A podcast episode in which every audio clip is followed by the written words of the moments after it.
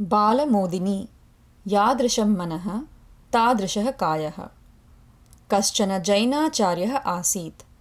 सः काव्यरचनायाम् अतीव कुशलः। कदाचित् जैनाचार्यः किञ्चन महाकाव्यं रचयितुम् आरम्भं कृतवान्।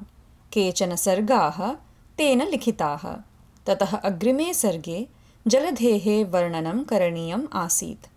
आचार्यः तदपि आरब्धवान् जलधेः विषयमेव सर्वदापि सः चिन्तयन् लेखनम् अनुवर्तितवान्। शताधिकैः श्लोकैः सः जलधेः वर्णनं कृतवान्। तन्मध्ये सः जलोदररोगेण ग्रस्तः अभवत्। जैनाचार्यः रोगस्य चिकित्सार्थं वैद्यस्य समीपं गतवान्।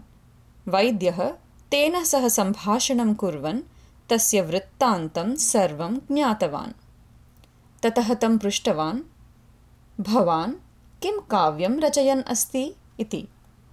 आचार्यः स्वस्य काव्यस्य सारांशं वर्णितवान्। भवतु इदानीं काव्यस्य कं भागं लिखन् अस्ति? इति वैद्यः पुनः पृष्टवान्।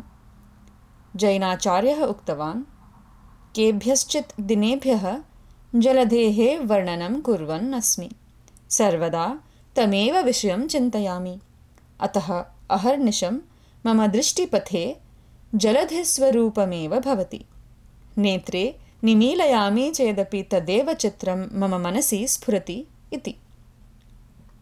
झटिति वैद्यः उक्तवान् ज्ञातं मया भवतः रोगरहस्यं।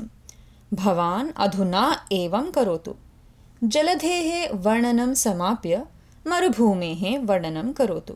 भवतः रोगः शाम्यति इति जैनाचार्यस्य विस्मयः अभवत्। तथापि सः श्रद्धया वैद्यस्य सूचनां पालितवान्। विस्तरेण मरुभूमेः वर्णनं कृतवान् च।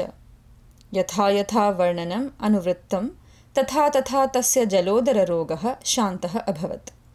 तेन सः अत्यन्तं सन्तुष्टः अभवत्।